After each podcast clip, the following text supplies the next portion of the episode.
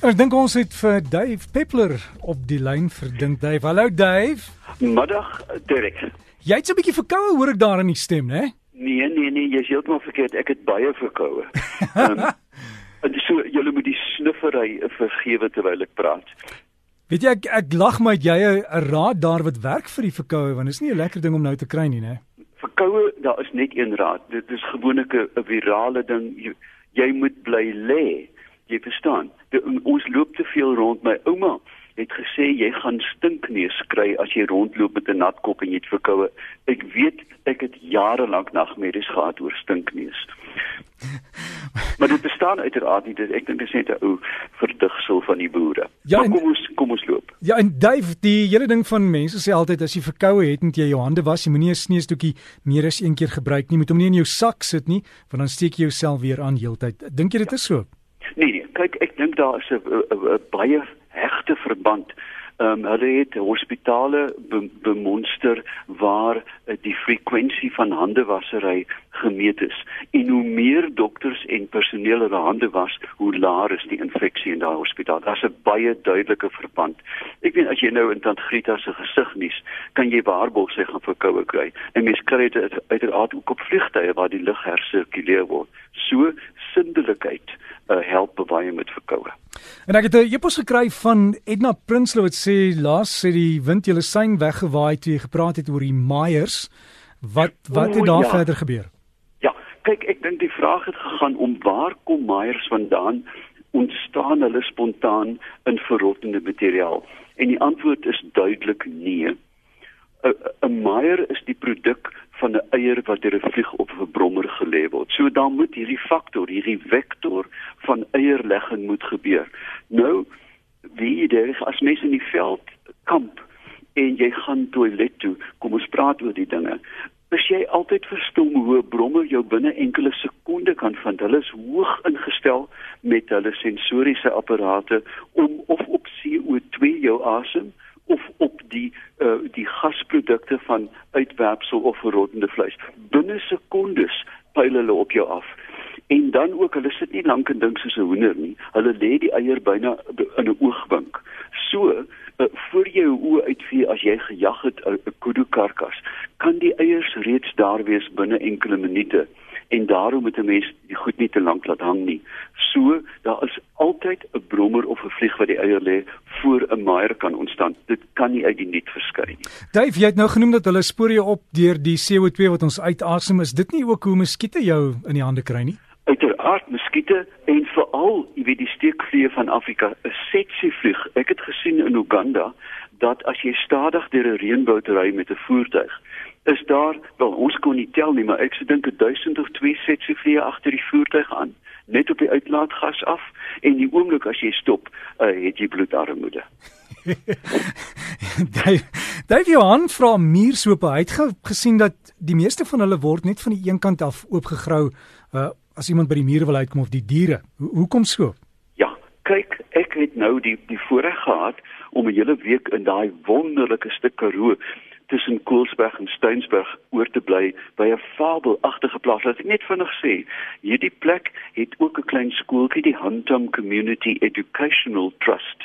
Weet jy is dat in my lewe het ek nog nooit gesien hoe 'n gemeenskap van uh, hoofsaaklik boere ehm um, 'n gemeenskap kan saamtrek en vir hulle 'n volhoubare en fundamenteel verskilmakende ehm um, skooltjie. Dit staan nou al 'n hele klomp jaar as 'n skoolbus en 'n kliniek ensovoorts. Ehm um, ek sal ook vanaand op my webwerf net 'n skakel na die skooltjie toe neem.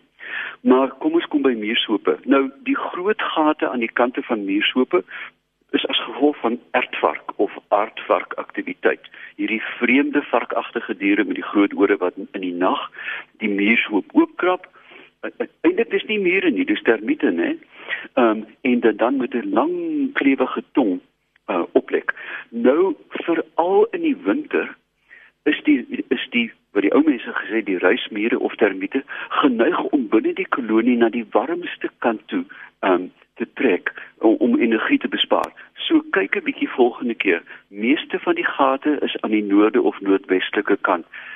geen ertvark wat sy sout werd is, gaan aan die flou kant van 'n muurshoop krap nie. Hulle maak oop waar die grootste konsentrasie is en dis gewoonlik waar die muurshoop die warmste is.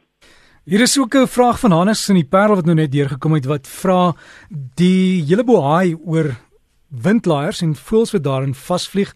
Hoekom vlieg voëls dan nie gereeld vas in goed soos kerktorings, antennes en ander dinge nie?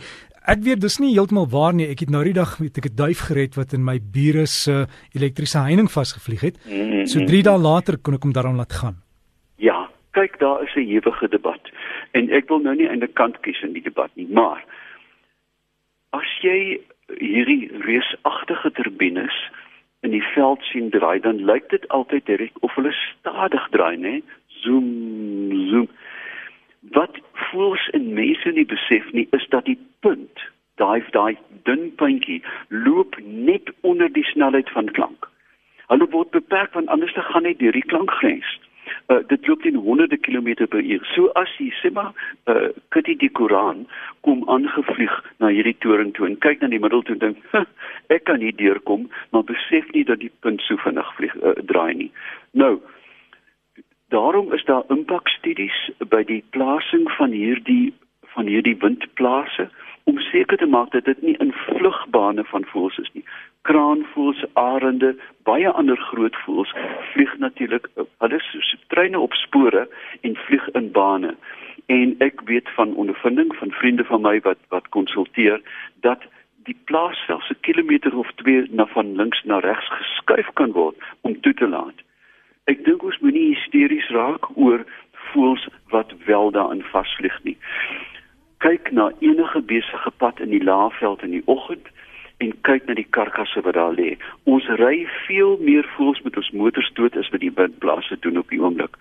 Ek het eendag uh, van noord na suid in Namibië gery en die oggend en ek weet ek het teen tog snelheid 120 km en in 1 uur het ek 74 voeltjies raak gery wat ek nie kon vermy nie. So. So ons moet die ding altyd in balans bring. Die tweede faktor wat 'n mens moet aandink die windplase sal nie nodig wees as ons versigtig met energie omgaan nie. Hierdie is 'n artefak van ons misbruik van energie. En uh, tot tyd en wyl ons besef dat ons dit wel kan beperk met ander vorms van energie soos fotovoltaïese selle, moet ons eenvoudig die die kleinerige skade van die windplase verduur. Ek maak geen verskoning as ek jy weet 'n kosbare voël soos 'n kraanvoël daarin vasvlieg nie, maar dis eintlik indirek ons eie skuld. Net die laaste twee Susan vra hoekom raas se ketel voor hy kook en Anna sê hulle het skerpe joene hierdie tyd van die jaar in die erf en in die huis. Hoe kan hulle dit wegkry dat dit nie inkom nie? Daar's nie 'n antwoord wat beide vrae sal pas nie. Kom ons kom gou by die ketel. Ehm um, water kook by seevlak teen 100 grade Celsius. Ehm um, en stoom uiteraard is dan ehm um, effens warmer as 100 grade Celsius. Nou as jy dink aan 'n ketel die kolom water onder gewoonlik is die element onder. Daar is 'n klein verskil in die temperatuur om die element en die res van die ketel. Net voor kookpunt begin water reeds kook om die element, maar die water daarbo is nog kouer.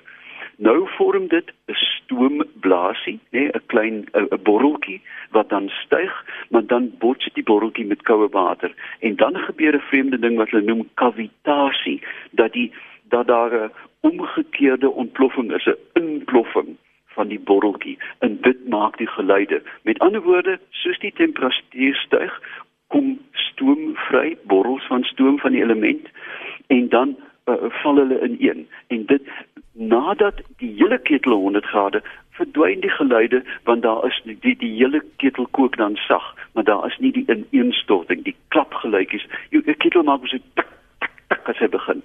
Dis klein balletjies stoom.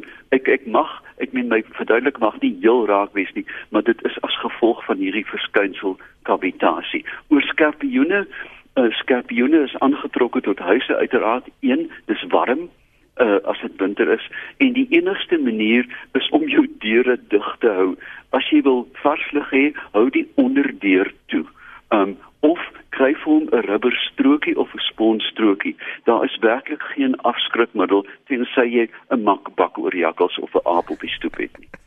Daai baie dankie vir daai en ja, ons moet probeer met daai skerpe joene hulle weghou.